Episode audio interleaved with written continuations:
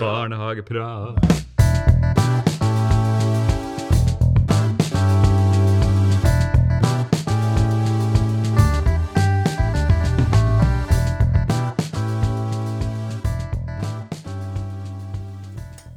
Ja, men eh, da kjører vi i gang. Ja, da er vi eh, direkte inne. Samlet. Oi. Ja, nei, velkommen til Barnehageprat. Eh, Det er jo første gangen vi er fysisk samla i dette formatet. Vi har jo treftes før. Det har vi. Det har vi. Sett hverandre før. Det er jo skummelt, det her, da. Se hvordan dere egentlig ser ut. Ja, nå måtte vi jo kle på oss ordentlige klær, og greie håret måtte vi. Og, Ja, Ha på benklær. ja. Mm. Ja. Ikke minst. pene benklær. Ja, nei, siden sist, hva som har skjedd? Jo, vi har blitt eh, intervjua av barnehage.no.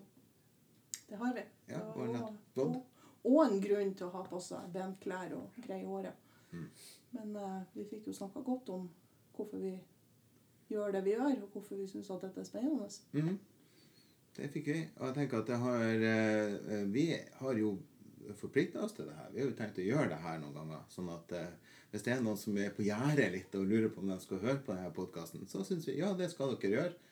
Og vi tenker jo også at det er litt viktig at folk vet at de har en eh, skal ha en stemme inn i det her. Så med å bruke e-postadressen vår, som er barnehagepodcast med c, at gmail.com. Mm. Eh, eller Facebook-sida vår, som også heter Barnehageprat, så er vi på en måte eh, tilgjengelig, da. Jeg skal ringe til Erlend på Ja. hva er det du har for slags nummer. 1, 4, 4, 4, 5, 5, 5. Er det ikke det? Er det ikke 5, 5, 5? Det begynner på alle amerikanske TV-serier. Vi blir jo veldig glad for tilbakemeldinger. Det er Ja, det vært, både om man er uenig eller enig, eller vi syns at vi prater bare tøv, eller om vi Eller forslag til ting som vi faktisk burde snakke om. Som eh, Det er jo stas å få tilbakemeldinger på sånt. Absolutt. Mm. Mm.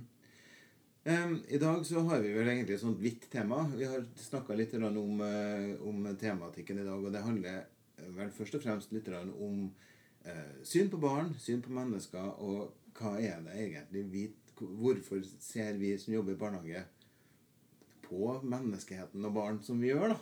Og så blir jo det et veldig sånn stort tema, men så det sånn, egentlig så er det jo ikke så eh, skummelt allikevel.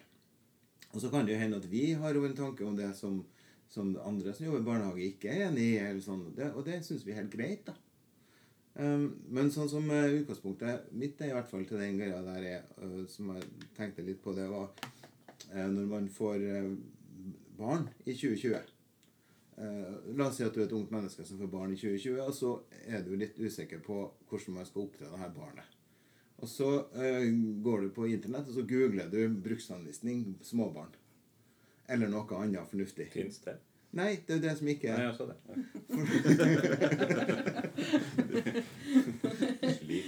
Slik, slik lager du barn. Det fins. Det fins. Det det det er opptil er flere hjemmesider. Ja, men det er noe annet. Det var ikke det. Ikke, ikke google det. Det er dårlig stil. men, men hvis du googler liksom oppdragelse, da, så får du liksom to millioner treff da, på noe, og så er det to millioner forskjellige meninger. Men hvis du fikk barn i 1975, som kanskje er et sånn rent tilfeldig tatt tiår, um, så var det sånn at eh, mora di og nabokjerringa var enige om hva som var folkeskikk. De var enige om hva som var normalt, og hva som var vanlig, og hva vi skulle gjøre for noen ting. Eh, Men nå står du alene om å finne veien din sjøl. Så jeg tenker at litt av det som er barnehagen sin eh, funksjon i samfunnet, det er å være en slags sånn her eh, Ikke folkeskikk, men en slags sånn her mulighet for å kunne hjelpe folk til å forholde seg til ungene sine på en positiv måte. da. Jeg tror faktisk det at hvis du googler eh, oppdragelse hund, så får du en mye mer ensretta eh, bruksanvisning, om man kan kalle det det, enn hvis du søker oppdragelse barn. For der tror jeg det går helt fra ytterste utpost til innerste innpost. Mens, mens hund, der er man enig. At da gjør man sånn, sånn, sånn. sånn. Positiv forsterkning og en godbit i ny og ne. Ikke sant? Mm. Men det er også viktig det du sier i forhold til i 75, at du hadde på en måte eh, Altså, man hadde storfamilie, men man hadde en del eh, voksne mennesker som man henvendte seg til og sa hvordan blir dette nå? Og, ikke sant? Bestemor har gjort dette, hun hadde ti unger og Mm. måtte nå ha fått noe til. Mens nå er det jo mer sånn at hvis man, hvis man som ung mor nå spør si mor, eh, så, så er det jo ikke sammenlignbart. Altså det, det er så, tida er så forandra fra eh, når man Altså fra 75, for å si det Mm. sånn, at, at det er nesten ikke gangbart engang, det som var da. Altså Man knipsa ungene på fingrene, og man ga de husarrest. og ja, og Det gjør jo ikke folk i dag. Og det skal de ikke gjøre heller, altså. Men, eh, men det er noe med det der òg som blir viktig. Det blir viktig å våge å stå for det man tror på også. Og der kan man jo som sektor kanskje samles enda litt mer også om hva er det vi tror på, hvordan skal vi gjøre det her eh, sammen. Og så være ærlig på det. Ha en ærlig dialog. For hvis du Jeg kan jo stå for noe, eh, og så sier jeg det videre. Og så kan den som tar imot det, være helt uenig. Men da har vi jo starta en dialog, da, gjerne. Uten, og det er jo litt sånn som vi holder på i det her det her barnehagepraten også. At vi kan prate om ting. Og sånn tror jeg det er viktig at vi som barnehagefolk kan si ja, jeg mener det her. Ikke sikkert jeg har rett, men jeg mener det her. Ut fra det ståstedet jeg har. Og så hva tenker du om det? Og så får du høre. Og så kan du kanskje spille litt fram og tilbake på det. For fasiten den fins jo ikke. Sånn er i hvert fall min tanke om barn også, at de er så forskjellige. At hvis man skulle dundre på som med 70-talls, 60-talls, 50-talls eh, Jeg fikk en melding. Ja. Eh, pedagogikk og oppdragelse, Mm. så hadde man eh, ble satt ut av sånn der plinge. ja, det jeg tror jeg. er derfor man skal ha det på det. lydløs. Nei, men det var mer sånn bastant. Mm. Og det er ikke så bastant lenger, og det er liksom på godt og vondt. da. Mm. For det er vel enkelt å forholde seg til noe bastant. Som Mm. hundeoppdragelse. da. Du gjør det sånn. Mm. Positiv forsterkning gir godbiter. Mm. Mens ungen er forskjellig og mer kompleks. Mm. Og da er ikke fasiten så enkel å få tak i heller. Men det å diskutere det, det går jo aldri av moten. Men, men det er jeg enig i, men samtidig så tenker jeg at det er jo noe som Det er noen sånn grunnleggende ting da, i måten du nærmer deg mennesker og barn på, eh, som, eh, som, på, som bør være grunnleggende. Som eksempel du bygger relasjoner først, for eksempel. For uten en god relasjon så får du, når du ikke inn til noen mennesker. Eh, være seg treåringer eller 30-åringer, tenker jeg da. Og, og det er en sånn greie som det er så vanskelig å sette ord på, for det handler om barnehagepedagogikk. da, Og barnehagepedagogikk, sånn som jeg ser det, det er et helhetlig syn på mennesket. da. Og det, eh, Vi kan litt grann om psykologi, vi kan litt grann om fysiologi, vi kan litt grann om veldig mange forskjellige eh, fagsektorer som i seg sjøl er en egen sektor. Der det overlapper, så er det de, vi som jobber i barnehage, vi kan litt grann om alle disse tingene. Og vi kan litt grann om normalutvikling, vi kan om emosjonell utvikling, vi kan, om, vi kan en del ting om det her. da. Eh, og så eh, blir vi satt ut i en praksis hvor vi på en måte lærer enda litt mer som du sier, om variasjon, om hvordan det er forskjell på barn og forskjell på menneskene seg imellom. Og så har vi etter hvert en tanke om hva det er som funker. Når det er som funker, da, så handler det jo ikke for meg om at det skal være en sånn eh, instrumentell holdning til ungen, sånn som du kanskje hadde på 70-tallet, eller 60-70-tallet. At du hadde en sånn der at de skulle bli gagns menneske. da. At de skulle bli det vi forma dem til å bli. Men, men, men de skal bli Og det handler jo om barnehagepedagogikkens innerste vesen, og som kommer fra Fredrik Frøbel. Han, eh, sitatet er sånn at eh, hvis du har en eh, tulipan i hagen din, så skal du eh, gi den så gode forutsetninger som mulig, sånn at det blir den beste tulipanen den kan bli. Men den skal ikke tvinges til å bli en rose. Og det er et sånn kjent barnehagepedagogikk-sitat som for meg er veldig sånn kjernen i det vi holder på med i barnehagen. Da. Som rett på det som du sier i forhold til at barn er forskjellige og forskjellige situasjoner. og forskjellige, krever forskjellige tilnærminger. Men det må være, det må være på en sånn positiv måte. Da. Og, ja, så det helhetlige synet på mennesket er veldig sånn sterkt, tenker jeg, i vår sektor. Og tenker at det er en av de tingene hvor vi eh, overlapper. da. Jeg tenker også det er viktig i forhold til det å ha et altså, eh, altså I den samme bobla så er det viktig å også ha et, et åpent og respektfullt eh, møte med familien. At man faktisk anerkjenner og aksepterer at det finnes uendelig mange typer familier. Eh, og før i verden, så faktisk for ikke så innmari lenge siden heller, så hadde man f.eks. En, en tanke om at når et, et nytt barn skulle begynne i barnehagen, så hadde du tre dager tilvenning. Eh, du, du starta dag én sånn, dag to sånn. Du får utlevert en kontaktperson. Det er den personen som skal følge opp ungen din. Eh, er det noen ting, så ringer vi. ikke sant, Veldig sånn bang, bang, bang, bang, bang. Og så var det i form, og så tenkte man at det her skal liksom Dette funka. Og så er det jo ikke sånn det funka i det hele tatt. For av og til er det sånn at ungen syns at kontaktpersonen er en tulling, og heller vil være hos en annen voksen. Og, og kanskje er det sånn at foreldrene syns at uh, Syns jo egentlig du virka litt mer på nett, at vi kanskje kan jeg snakke litt mer med deg i Aldri stedet. skjedd, faktisk. Og vi, nei, og vi, vi bruker jo Jeg merka det jo nå, som, som har hatt ei uke hvor, hvor, eh, hvor pedagogene har jobba knallhardt i forhold til dette med, med disse oppstartssamtalene. Mm. Snakka med folk både via Teams og i fysisk i barnehagen. Og, vi, og se hvor forskjellige Mm. mennesker er, og hvor forskjellige forventninger de har til det de skal inn i. Eh, på godt og vondt. Mm. Noen er livredde, og noen kan ikke vente til å få starta. Mm. Eh, og det tenker jeg òg er viktig i det. At man, man i det store bildet også tenker at ja, ungene er forskjellige, eh, og de skal på en måte møtes på, på sitt nivå, men man må også huske på oppi alt det her at du har veldig mange forskjellige familier. Mm. Og du møter familien, det å bli møtt med respekt og anerkjennelse og nysgjerrighet, ikke sant, i stedet for fordommer. og I ei tid som, som dette faktisk er. Men det har jo skjedd mye på 25 år. Å ja. Helgolands, altså. Fordi at en- jeg begynte å jobbe i barnehage i midten av 90-åra. Det er sånn knirk. Ja. Men, men så var det jo sånn, da, da følte man seg jo litt progressiv hvis man liksom eh, Hvis man de, de det bare aksepterte alenemødre. Ja. Eh, men nå er det jo to mødre og to fedre og, og to hen... Altså, Ja. det er ikke noe tema lenger, eh, egentlig, for de fleste som jobber i barnehage. da. Mm.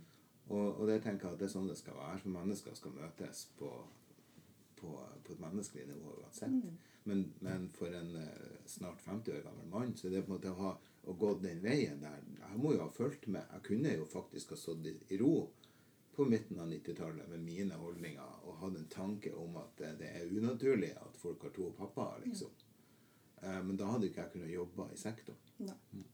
Helt enig.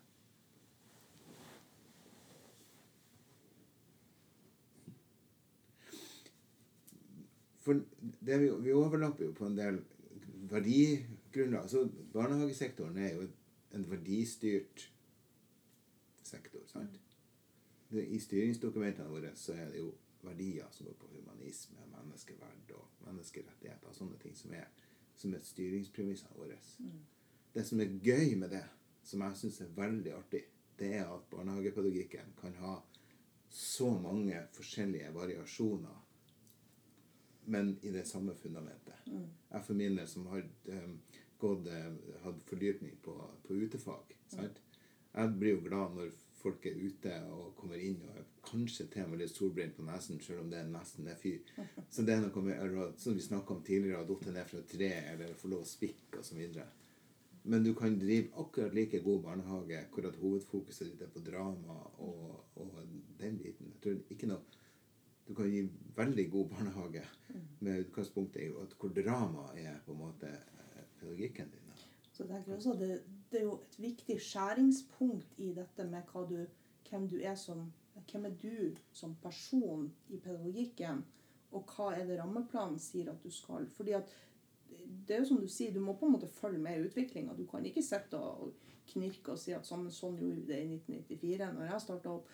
Eh, du må henge med, men samtidig så er det jo også man, man, Vi er jo på en måte alle individer, ikke sant, med de holdningene og utgangspunktet og meningene og livssyn og alt som er der. Og så er jo det skjæringspunktet som på en måte blir den pedagogen du er. Du kan ikke velge bort det, altså det personlige mm, opplevelsene og erfaringene og menneskesynet ditt. Du kan selvfølgelig jobbe med det, men av og til så er det jo der at du må si at det her kan du faktisk ikke mene i barnehagen. Dette, dette ikke, Jeg hører hva du sier, men eh, Ja, dette det må du jobbe med. Være tydelig, da. Det er jo det det, er det, det går på. Ja. Å være ærlig mot seg sjøl også, og mot de rundt. Ja. For det, og det er jo Barn er jo eksperter Ja, på å gjennomskue hvis du er uærlig fyr. Mm. Hvis du later som, hvis du faker det. Mm. Du har ikke sjans i havet. Nei. Da må du leke det. Da kan du fake det, Ja. faktisk. Men eh, sånn å være Men ikke over tid. Nei, ikke over tid. Og du, du blir liksom sittende igjen med en sånn dårlig følelse sjøl også. Mm. Og det har jo endt opp med, for egen del også, at jeg er jo nødt til å være ærlig mm, mot den jeg er sjøl. For det er da jeg gjør en best jobb. Mm. Også det her med relasjonsbygging, det, det er jo livsviktig. Mm. Og det ser de jo. Der er også barn kjempeærlige. Ja, Det her, den her voksne her, den er jeg ikke interessert i å være sammen med. Mm. Jeg liker den ikke. Eller hun. Ja. Er, du skal bare holde deg unna meg. Langt unna, men du der borte. Du kan komme. Og jeg ser, du er jo der borte, 50 meter borte. Mm. Jeg vil bort til deg. Det er klart, det er jo, det er jo sårt som voksen Mm. å oppleve at du ikke er den som eh, Altså, jeg opplever det Jeg jobber jo i en stor barnehage, og når jeg kommer litt rundt, så er det klart når disse helt nye, ferske er kommet, så er det klart at jeg, jeg blir fort skummel fordi jeg er en ny voksen. Mm. Eh, og det er klart, jeg kan jo ikke sette meg på kontoret og grine fordi at eh, ungene syns at jeg ser skummel ut.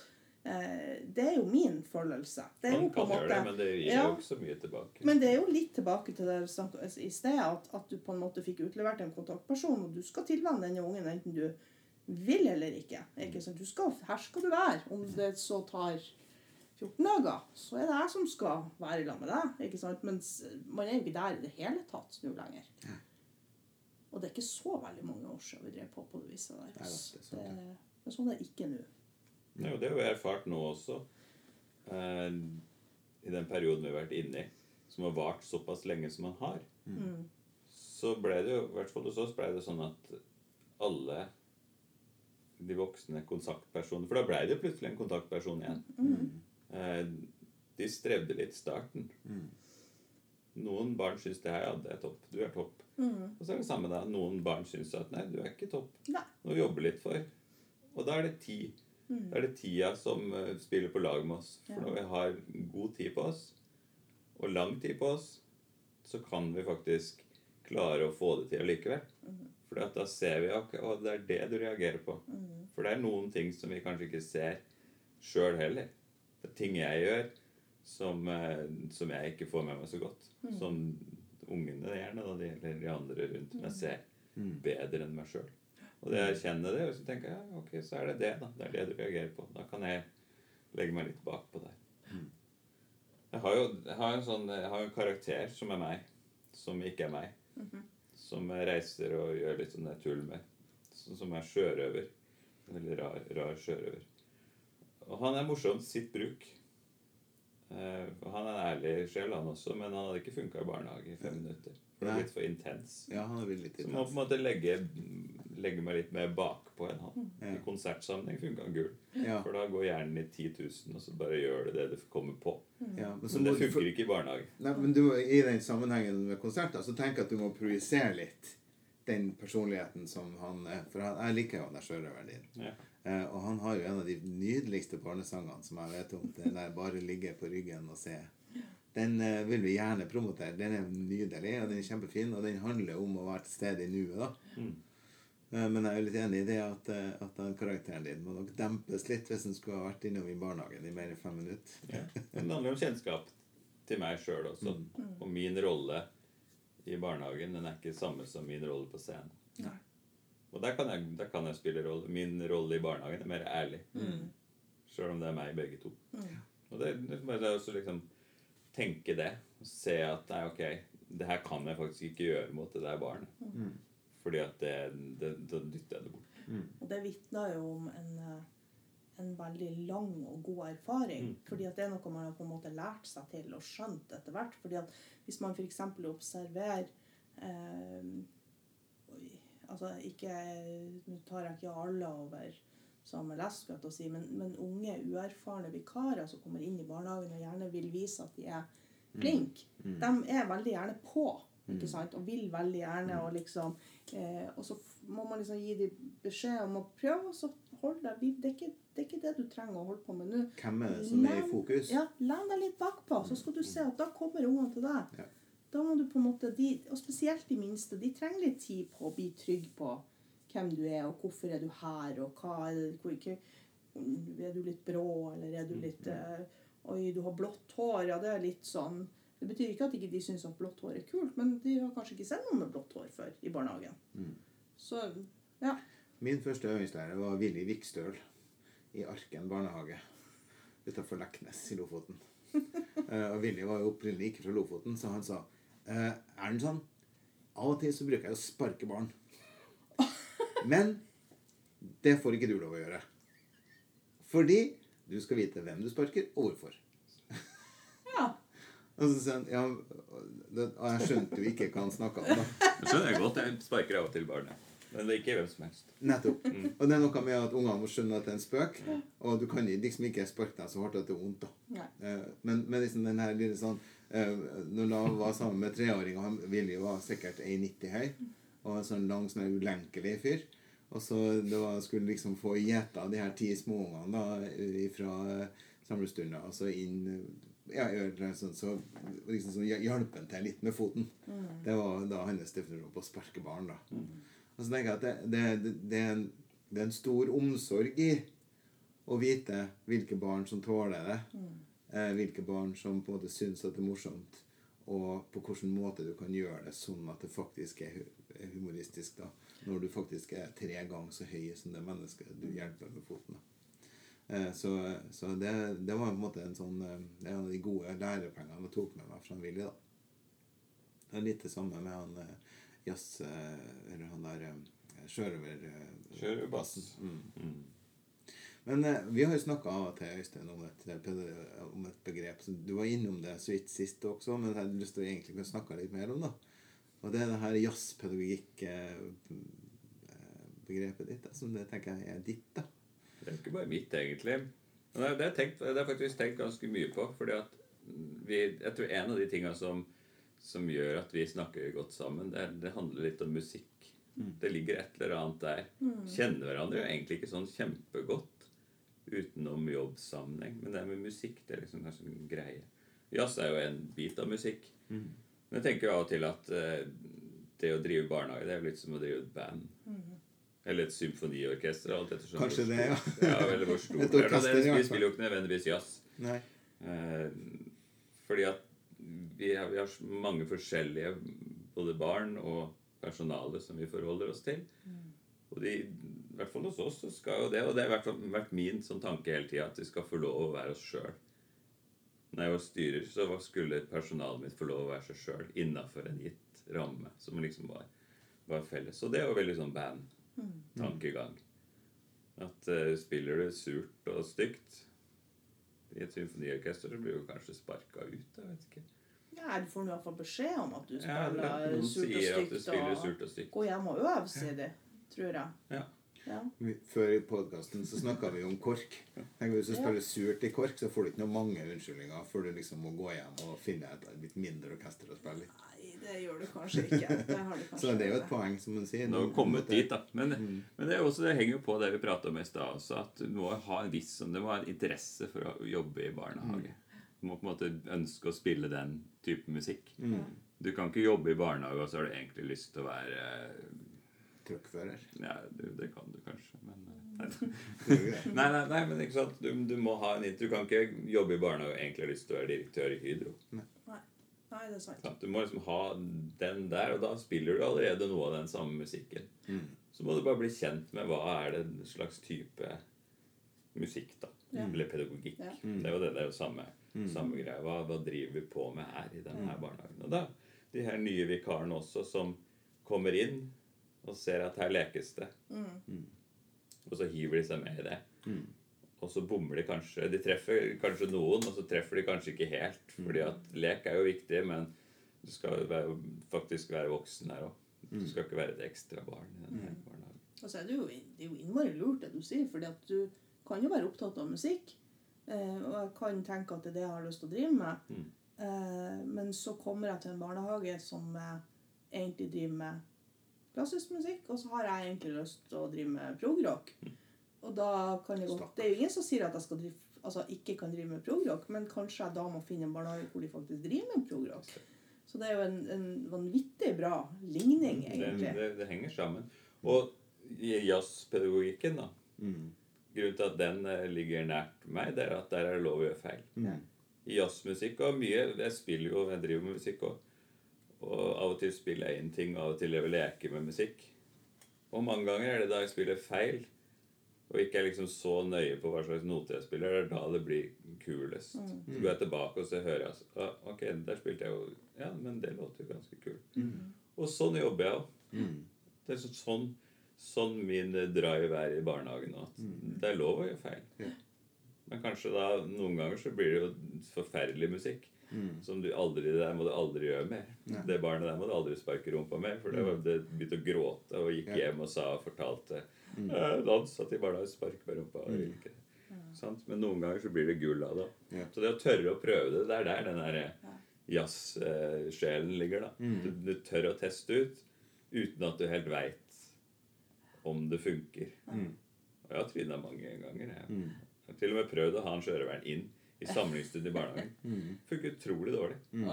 Ja, det gjør det, fordi at det blir Det er jo ikke utkledd heller. på en måte. Det er jo noe med det der ja. også, at rollen den Jeg vil jo være meg i barnehagen. Ja, for jeg tenker, Du har jo vært, i, du har jo vært hos oss Mm. eh, og vært sjørøver.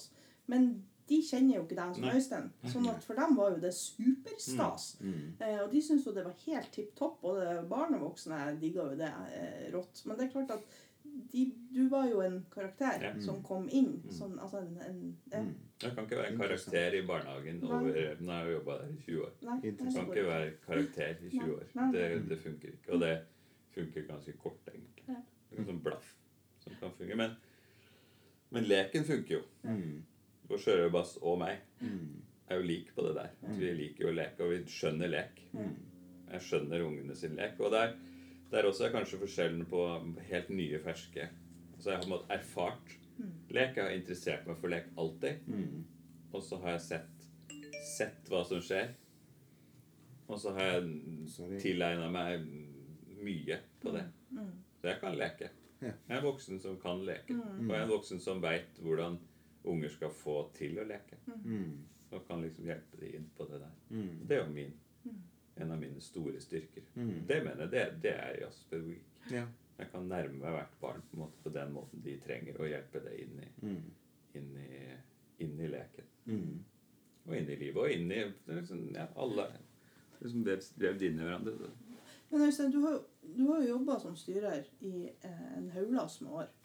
Eh, og nå jobber du jo som pedleder. Og det er jo et spørsmål som ofte dukker opp, som du kanskje ikke har vært så lysten på å snakke om. Men eh, du har jo nevnt for oss i dag at vi skulle få lov til å spørre om det. Hvorfor? For det er jo en uvanlig retning å ta. Å gå fra å være styrer til å være pedleder. Som regel så sånn motsatt vei. ja, det du er litt sånn motstrøms. Ja. Uh, uh, vil du si Har det noe med jazzpedagogikk å gjøre? Det tror jeg jo kanskje. Ja, men det har faktisk det. Ja, Vil du si noe om det? Ja, det, det er ikke så lett. Eh, Jeg tror ikke jeg har noe enkelt svar på det heller, egentlig. Eh, Og det er ikke sikkert det er bare ett svar engang. Men en av bitene av det, det, er- det handler om lek. Fordi at eh, Ja, hva skal jeg si Jeg, jeg tror jo at jeg var en, en god styrer fordi jeg var styrer for de åra jeg var styrer. Ja. Men jeg er ikke sikker på om jeg var en god styrer for meg sjøl. Det er jeg enig med deg i. Ikke sant? For det har vi prata om før. Det her vet du, Erlend. Vi har snakket, vi har sittet på kafé, så det, du veit om det. Og det handler ikke om de folka jeg var, det handler ikke om de, det stedet jeg var, eller det handler rett og slett om meg sjøl. Mm. Og da tror jeg jeg har kommet fram til at det handler om eh, at jeg kan ikke leke Jeg kan ikke være noen andre enn den jeg er. Og da må jeg være ærlig med meg sjøl, da. Og tenker at eh, ja, ok, nå åpna seg en mulighet for å gjøre noe som jeg faktisk har kjempelyst til. Um, og så bare tok jeg den, og så ser jeg at jeg treffer. Og når jeg har tenkt, jeg har tenkt på det svaret, da Mm. For jeg tror jeg må gå tilbake igjen i tida òg. Det kan godt hende jeg kan gå kjempelangt tilbake, men i hvert fall tilbake til studert. da. For det er veldig tydelig, De som kjente meg da, de visste at han der han ville ikke bli styrer. Han ville jobbe med barn. Og Det visste jeg egentlig ikke sjøl, for det var veldig tilfeldig vei inn i barnehageyrket. For jeg valgte bare bort en del ting. Og så satt jeg igjen med jeg hadde ikke, lyst til å jobbe med videregående. Jeg hadde lyst til å jobbe med folk, ikke med videregående, ikke med, nei, ikke så mye på skole. Ja, barnehage høres fint ut. Visste jo ikke hva jeg gikk til i det hele tatt. Bare begynte. Og så var jeg ute i første praksis, og så så Det her. Det her treffer du. For da hadde jeg noe greier, noe opplegg som jeg skulle lage, som liksom bare wow, Ja, det funka gull. Og det traff barna, og du skjønte det. Mye av det andre det er liksom bare Mye av teorien som dere snakker om, den er litt sånn mer vag, da. Men akkurat den der kontakten med ungene, den har jeg alltid vært god på. Og som styrer så kan du jo bruke det til en viss grad. Litt sånn som du, da. Du kommer litt inn av og til. Ja. Og jeg var en styrer som var utrolig mye nede på gulvet. Og så lite som mulig på kontoret sånn i arbeidstida. Og så jobba jeg veldig mye utenom. Ja. Kan sikkert noen hjemme skrive under på. Sånn at jeg brukte veldig mye tid og krefter på det for å kunne være sammen med ungene. Som jeg egentlig hadde lyst til. Um, og da, da føltes det rett. Så den Ja.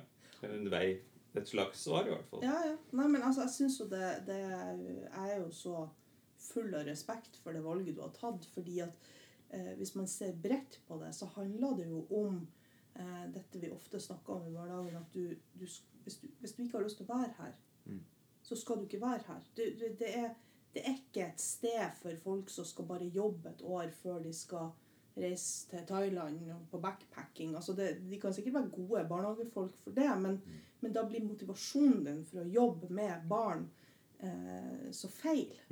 Og det er jo en av de tingene jeg brenner mest for. Dette med at du skal være i barnehagen for at du har lyst til det. Hvis du begynner å bli lei, eh, egentlig har lyst til å ja, som du snakket om, være trøkkfører, eller at det blir et ork ikke sant, å, å gå på jobb. Ikke, ikke en og annen dag, for det tror jeg nok alle kjenner på, men at hvis det blir en sånn gjentagende, så du kommer inn porten med litt sånn så må man på en måte vise såpass respekt overfor ungene at man gjør noe annet.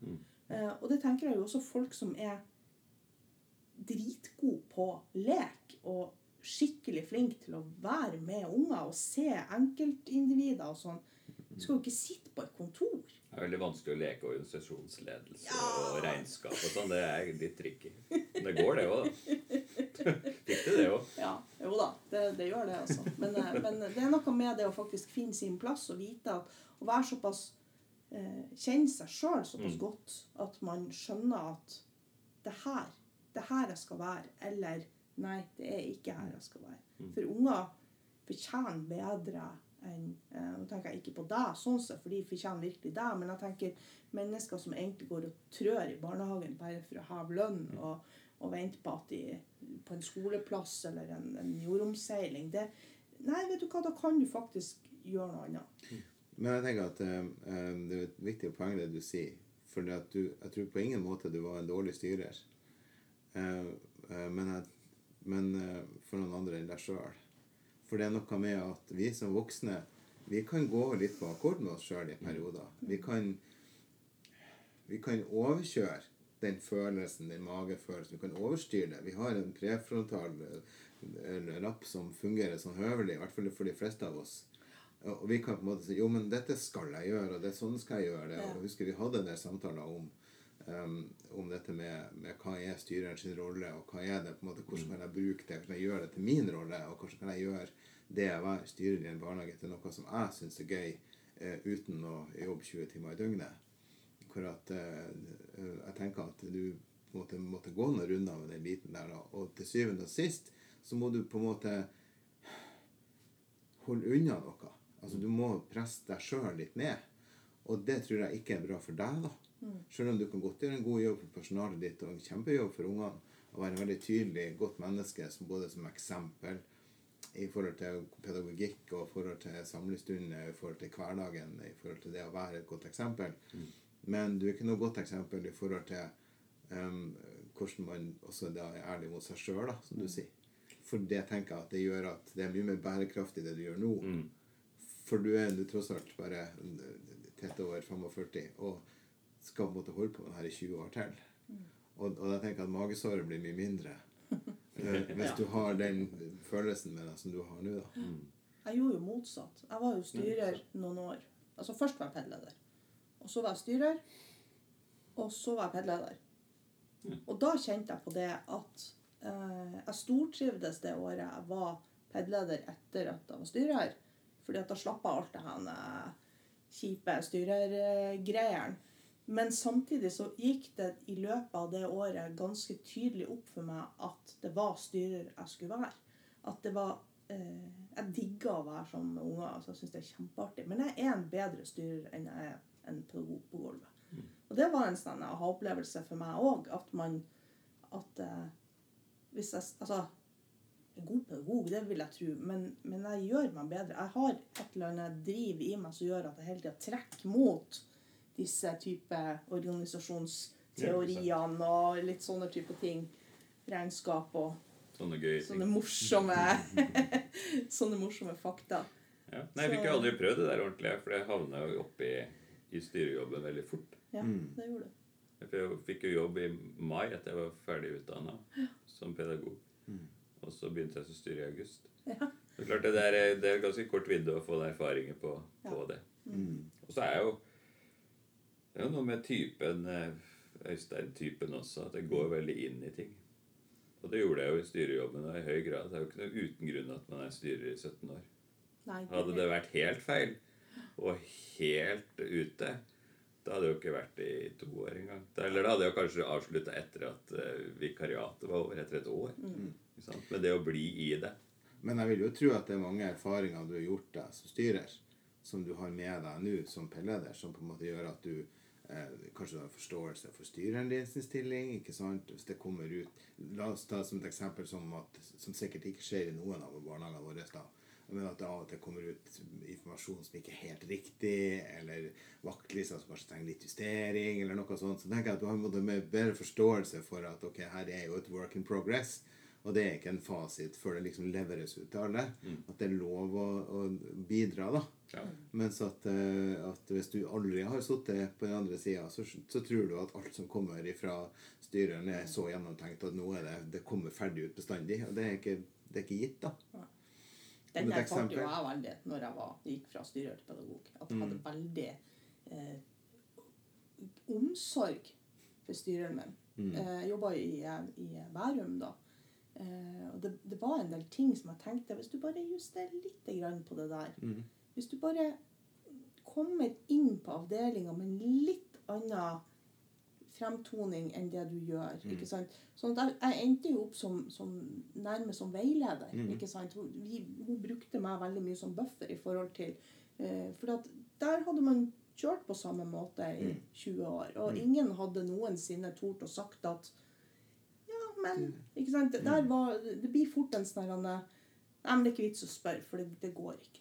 Nei, men Du må ikke spørre, men du må kanskje gå og forklare hvorfor du har lyst til å gjøre det på den måten. Du må kanskje legge frem at legge frem saken din. Legge frem saken, og så må Ja. du argumentere for det. Så det er klart at når jeg kom som en halvgæren nordlending og bare gikk Ja, men jeg har tenkt sånn, sånn, sånn, sånn, sånn, så bare blåste jeg alt av banen. Og så fikk Men du får, det, du får det bestandig sånn som du vil. Nei, men det er ikke det. Men det tror jeg nok genuint handler om den forståelse for styrerollen at det er en kompleks sak å sitte der. For det er en, en ekstremt ensom jobb. Mm. og det som de sier, det er vel ikke den jobben du skal ha hvis du eh, begynner å jobbe i barnehage for å få 45 bestevenner. Det, det er ikke helt sånn. Men eh, ja. Det er noe der. Mm. Så handler det om at alt er, work in, altså alt er et work in progress. Alt, verden er liksom ikke, kommer ikke ferdig i segmenter som kan sette sammen til en fasit, liksom. Nei. Og det er litt det som vi vil med denne podkasten vår også, det at det skal være en prat, det skal være en snakk, det skal være en sånn likeverdighet i det. Og den må vi gjelder alle veiene. Det kan jo ikke være sånn at, eh, at ufeilbarlighet forventes av ett sted, og så skal på en måte alle de andre ha en tabbekvote som på en måte blir påfylt hele tida. Sånn kan det jo ikke være. Nei. Mm. Jeg tror ikke det er noen yrker som er så vanskelig å skille mennesket fra yrkesutøvelsen som jeg kjenner til. Jeg kjenner folk som er sykepleiere, jeg kjenner folk som er lærere, jeg kjenner folk som er selgere. De eh, har nå tar en veldig liten del av sin personlighet uh, å bruke, men, men, uh, men så helhetlig del av mennesket som du må gjøre i barnehage, om du er assistent eller fagarbeider eller barnehagelærer eller pedleder eller styrer, så er det sånn at du slipper ikke unna deg sjøl. Nei, og så har man jo veldig ofte kanskje ikke alltid når man starter i barnehage, men, men ofte underveis, en erfaring som, også som forelder. Eh, og har Jeg merker jo en del eh, Altså mye endrer seg jo når man får barn, men det er ofte også lett eh, Og det er ikke nødvendigvis positivt alltid, men å tenke at man tar utgangspunkt i sitt eget barn. ikke sant? Du kan ikke gjøre det sånn fordi at tenk Altså, eh, søvn. Soving i barnehagen er en sånn klassiker. Eh, foreldre som ønsker at ungen skal, ikke skal sove, eh, eller skal sove. Eh, og jeg har jo en, en filosofi om at, eh, at i utgangspunktet så tenker jeg at det er fint at ungene får sove så mye de vil, eh, og at søvn avler avler søvn, og alt blir fint bare de får slappe av når de trenger. Og så får jeg et barn som det der overhodet ikke funka på. Eh, og, og måtte på en måte da som mor si at han får ikke sove lenger enn 20 minutter, for da er det faktisk Han er sin mor oppe av dagen. Da går det ikke an å sove. Da er det sirkus til klokka er ett. Det, og det var så Jeg prøvde jeg prøvde jeg prøvde å være liksom, nå skal jeg være god pedagog, og nå skal ungen få sove så mye han vil. og Han hadde faktisk et tilfelle hvor han sov fire timer i barnehagen. Fordi at når han sov, så sov han. Eh, og det, ikke sant? Altså, da, som menneske, som mor, så må du da gå inn og egentlig si noen ting om ting som man eh, Jeg kjenner jeg får litt vondt når jeg snakker om det, fordi at det går så på tvers av det jeg mener som pedagog. Eh, og jeg, tro meg, vi prøvde, og det funka ikke. Så det var sånn at han Og de snakka enda om dette. At hvor, hvor fælt det var når de måtte vekke han, for han var så trøtt og grusom etter ja, den halvtimen. og Han var liksom tre år. Og så får jeg sånn åh, nei, tenk at han måtte gjøre det sånn. Men igjen, menneske versus pedagog. Eh, og du har en haug med, med, med bagasje med deg. Opplevelser, tanker om hvordan ting skal være. Og det er så utrolig personlig. Og barnehage har jo lenge vært sånn at det, det Før så var det jo sånn eh, kosearena. Vi har det så hyggelig inn på vår avdeling. Vi har liksom duker og gardiner og stearinlys hadde man vel i gamle dager. Ja, det var veldig mye kos. Tenker ikke lenger tilbake til 90-tallet, for at Nei. stearinlys var en, eh, Ja. en jevnlig del av Ja, ja. ja, ikke sant? Det var så kos. Det var helt fint. Ja. Så det er klart at det er jo ikke så vanskelig å skjønne at det er, eh, har vært en prosess å bli tatt på alvor Mm. som bransje. Altså det med at vi faktisk eh, Du pleier å si det av og til at det var en, en, en som eh, Ja, det var, det var en far i en barnehage der jeg var styrer, som eh, vi var ferdig med å ha første foreldremøte på høsten. Og så hadde vi på en måte presentert ja, hvordan vi har tenkt å gjøre det her med pedagogikken og med det som er innholdet i dag. Og at vi hadde nå eh, presentert eh, liksom barnehageåret, da. Så kjenner jeg fra at eh, rekte han opp hånda og sa ja, nei, men jeg syns jo de har tenkt igjennom de her barnehagegreiene. og, og da kunne jeg jo egentlig bare si. Rett svar. Ja, Vi har faktisk vi, vi, tenkt. har, vi har tenkt den tanken. Ja. Og det er det jeg mener at hvis, hvis jeg på en måte nå spoler helt tilbake til det vi starta med, som du starta om å snakke med dette med, med eh, oppdragerrollen, og, og det må på en måte være en, en, eh, en trygg havn, på en måte, som, som har faktisk faglig kunnskap om disse tingene, og, og, og årevis med erfaring om hva som faktisk Det er ikke sånn at man har sett én unge som har sett alle, men, men det, det er jo noen ting som vi skjønner at dette funker, og dette funker som regel ikke. Eh, og det er jo noe med den, den at, at folk skjønner at vi faktisk har en, en teoretisk og en faglig bakgrunn som gjør at vi faktisk vet hva vi snakker om. Ja, vi kan faktisk disse barnehagegreiene. Det er et håndtak. Ja. Og det er ikke, vi, vi er ikke der lenger at man sitter på, på avdelingene med stearinlys og Nei, sant? for noen unger var jo det kanskje det som trengtes. Da. Ja da, det var det sikkert. Men, men det er jo ikke det som er poenget. Vi har jo bål, det er jo veldig koselig. Ja. Masse bål. Ikke Ja, nå lenger, da. Men Ikke undervurder de bålgreiene. Altså, de samtalene rundt bålet. Og det er virkelig. Men Mm. um, Men det der at man ser hvert enkelt barn og bygger relasjon med hvert enkelt barn, Ja. det, det står liksom øverst på, på lista. Jeg visste egentlig ikke det før jeg bytta jobb, at det var det det handla om. Da så jeg egentlig mer leken og min rolle i det. At jeg kunne, Det er hva jeg er god på. Men det å la ungene holde på med det de er gode på, som bygge rundt det, det er superviktig. Og så klare å formidle det, da. Der har vi, der har vi en kjempeutfordring, tror jeg. Der kan podkasten kan jo faktisk være et sånn middel for det. Si noe om hva det er vi, hva det er vi tenker rundt. Hva er det vi vil jobbe med? Og hvorfor gjør vi sånn her? For det er jo Nå har jeg hatt mine egne barn i min egen barnehage, så jeg har hatt ganske god oversikt over hva som har skjedd. Men jeg tenker at andre foreldre de har ikke den samme oversikten. Og det er vanskelig, om ikke umulig, så er det vanskelig å formidle i løpet av fem minutter henting hva ungen din har gjort i hele dagen. Han egentlig holdt på med, fordi at det har skjedd så vanvittig mye. I verste fall er jo fem minutter henting det du har på hele uka. Ja, ja, ja, ikke sant? Ja, det er ikke sikkert det kan være sånn ha, ha, det. Ja, Sånn så kan det være at foreldrene er ofte mer opptatt av hvor lenge han sover, Mm. Hva har han bæsja, hva har han spist, hvem har han liksom ja. Hvem har han leka med i dag? Ja, har han vært på tur? Mm. Ja. Og det er jo forståelig, for det er jo veldig mange fine knagger å plotte på, men Mm. det, er jo, eh, det er jo noe med hva, hva vi har lyst til å si. Hva, Mm. hva, og det som du sier, det er jo tilnærma umulig å sette ord på alle de tingene. Mm. Ja, det synes jeg, jeg synes, Vi skriver sånn ukesinfo. Mm. Nå har vi jo skrevet kort, kohortvis. Ja. Og jeg er jo elendig på å huske sånn der. Mm. er jo, der er jo jazzhjernen min den går jo i klikk, da. Mm. Fordi at jeg får ikke med meg husker jo ikke hva gjorde vi på mandag. Uh, skal vi se. Så, så jeg endte opp nå på, på fredag, eller på lørdag morgen, egentlig. For jeg hadde glemt det på fredag. Så sendte jeg inn. Og da, da skrev jeg en overskrift av hva har vi gjort eh, denne uka. Melodi Musevisa. ja, nemlig. Skrev.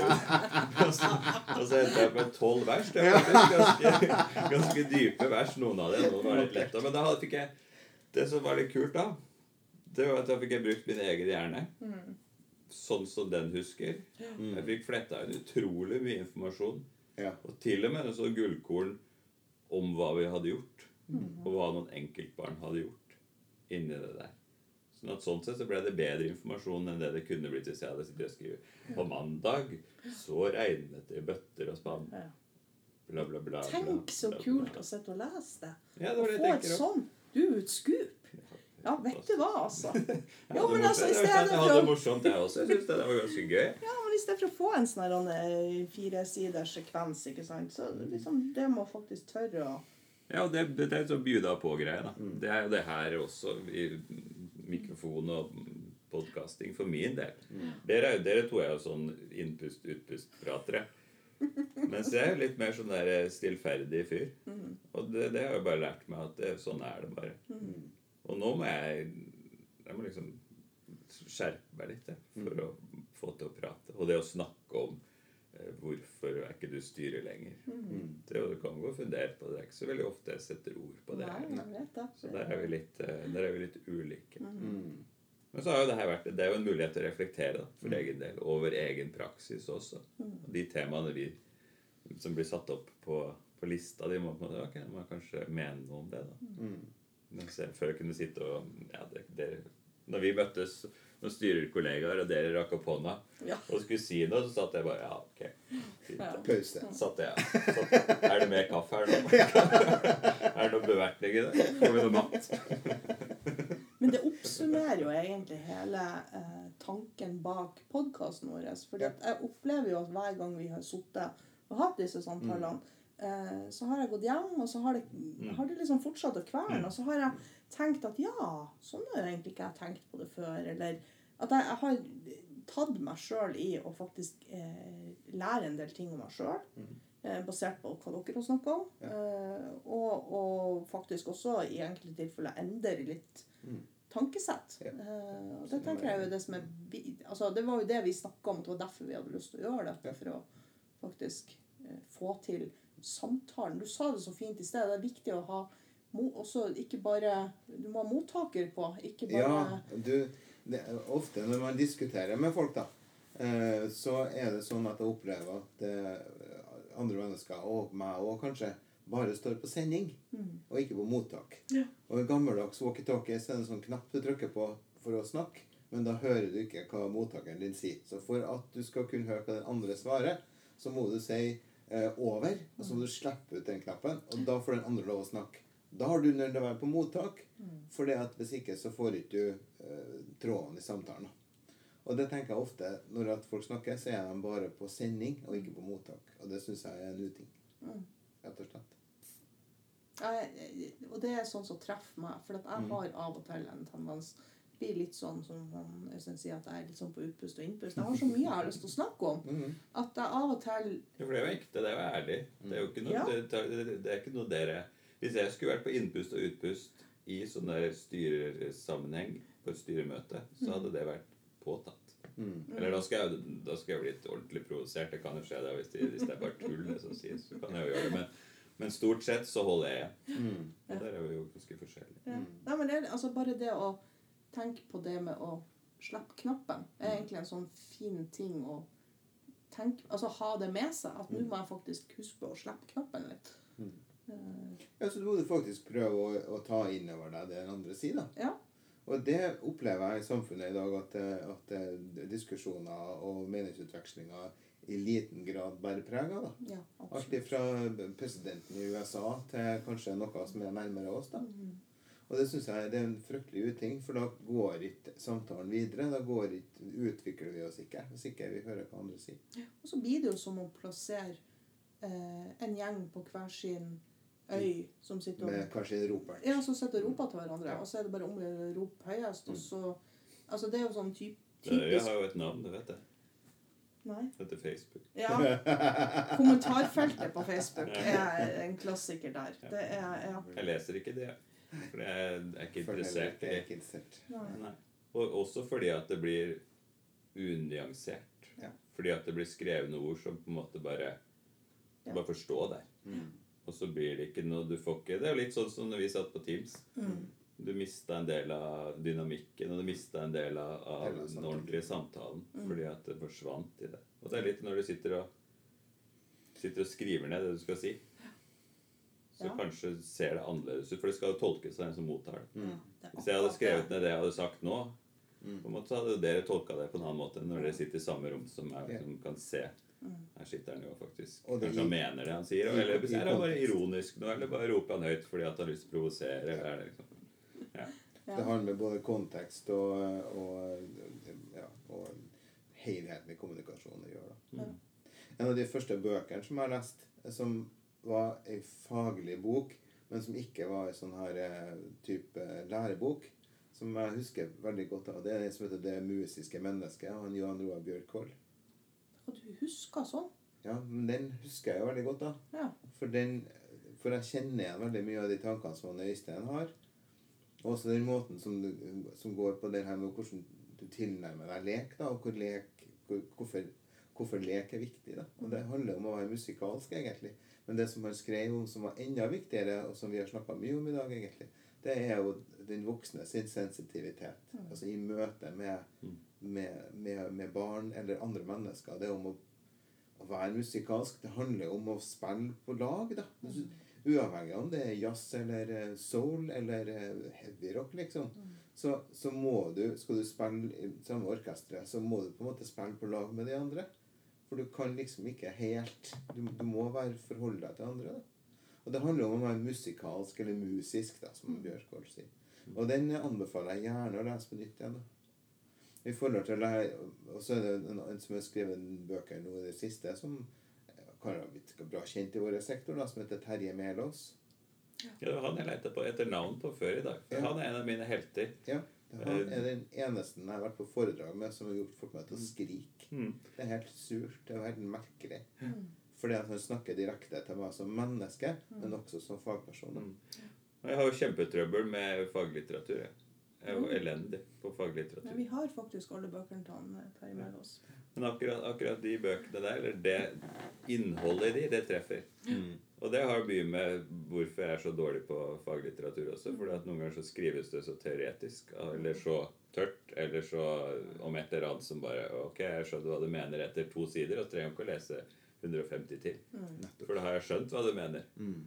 Mens hans bøker, de kan jeg lese fra start til slutt. Og så elsker jeg det at han innfører egne begreper, hvor at han tar eh, måter som vi ah, likevel tenker på barns uttrykksmetoder på, og overfører det til leken. F.eks. lekerabling, som er et begrep han har laga som handler om som han gjennomfører med tegning og rabling av tegning. Det er ingen toåringer som klarer å tegne et, eh, et portrett av mora si. Men de klarer å tegne en runding, og så er det noen streker i nærheten av den rundingen som representerer øya og munn, og kanskje et par ører, hvis du er heldig. Sant? Men det er, jo, det er jo da et forsøk på å tegne mora si. Hvis du tar den samme ungen, og den får lov til å utvikle seg og får lære seg teknikker sånn som 22-åring, så vil kanskje barnet kunne være, eller som voksen, da, være i stand til å tegne et fotografisk riktig bilde av mora si. Men du må begynne et sted. Og det samme med lek, da. Så du, du må begynne et sted. Du må på en måte lære at, at sånne ting som han skriver om, er så fascinerende. For det det handler om å møte hvert enkelt menneske der de er. da. Jeg har en sånn historie fra han som brente seg fast. Jeg husker, jeg, jeg leser jo lite faglitteratur, og det er veldig lite som setter seg fast. Men akkurat noe han skrev om, det satte seg fast. Og det har jeg testa ut, og det funker gull. Det var eh, et eller annet De skulle leke at de var mus og skulle stjele ost. Han sikkert fortalte på et foredrag. Det har i hvert fall satt seg fast. Eh, Det at han Eller katt er, Han må ha vært mus, da. For katter liker, jo, han katter liker jo ikke ost. De liker jo, de liker jo mus. Det er jo ikke bra. Nei, det var ost som ja, I hvert fall så tar han med seg et barn, og så bare går han inn på kjøkkenet og stjeler ost som egentlig skal være på pizzaen. Som da sikkert skaper litt furoro for de som skulle lage pizza, og litt uroligheter, da. Men for den ungen Mm. som eh, da var interessert i å være med på det her, det er jo gull. Og det er sånn, sånn driver jeg. Jeg har vært og stjålet rosiner jeg, Mm. på kjøkkenet. Da sniker vi oss inn på kjøkkenet gjennom ei dør vi ikke har lov å gå inn engang. Og så bare står vi, hvis det kommer noen forbi, så står vi bare helt stille. Eller så, eller så plystrer vi. Later som ingenting. Og det funker jo gull. Da bygger du jo Ja. den, den der relasjonen du får da. Du kan gå tilbake en måned etterpå til husker du da vi var og stjal rosiner. Mm. Ja, ja. ja. Ikke sant? Du kan hente opp det der igjen. Og det der er gull verdt. Mm. Og det, ja. Så da, da treffer den jo meg, da. Mm. Rett i fleisen. Og rett i hjertet. For det er sånn Men det, det som er poenget Poenget er jo ikke nødvendigvis den, den det tyveriraidet på kjøkkenet. Øystein. Men det er jo det at du kan bruke det når barnet er lei seg, når barnet har vært i en konflikt, når barnet ikke vil noe. Du kan bruke det som en krok, og du kan, du, det er en positiv knagg. Du kan henge noe på som gjør at du kan utvikle relasjonen til noe annet. Du kan få dem med på det du ønsker, eller kanskje til og med gjøre noe de virkelig ikke har lyst til. Eller, eller du kommer inn og får snakka om noe som er vanskelig. Men du får ikke til hvis du hele tida er s- ja, setter rammene hele tida. Du må være med på noe gøy først. Liksom. Det er sant. Det er et fint sted å slutte. Ja. Når vi holdt på i 57 minutter. Ja.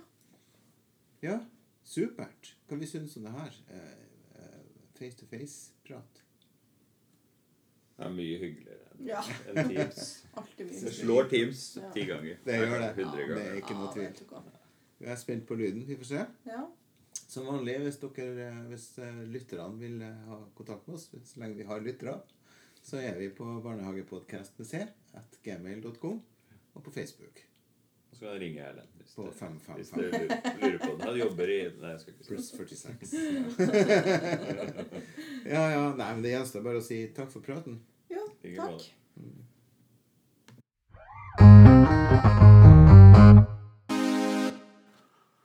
Det var alt for eh, sesong én. Vi har tar nå en sommerpause. Neste episode av eh, Barnehageprat kommer ut i slutten av august, starten av september. Vi håper at dere abonnerer på oss. Eh, lik og del. Og legg gjerne igjen en, en um, review på iTunes hvis dere ønsker å gi tilbakemelding. Eller send oss e-post, eller gi en kommentar på Facebook-sida vår. God sommer!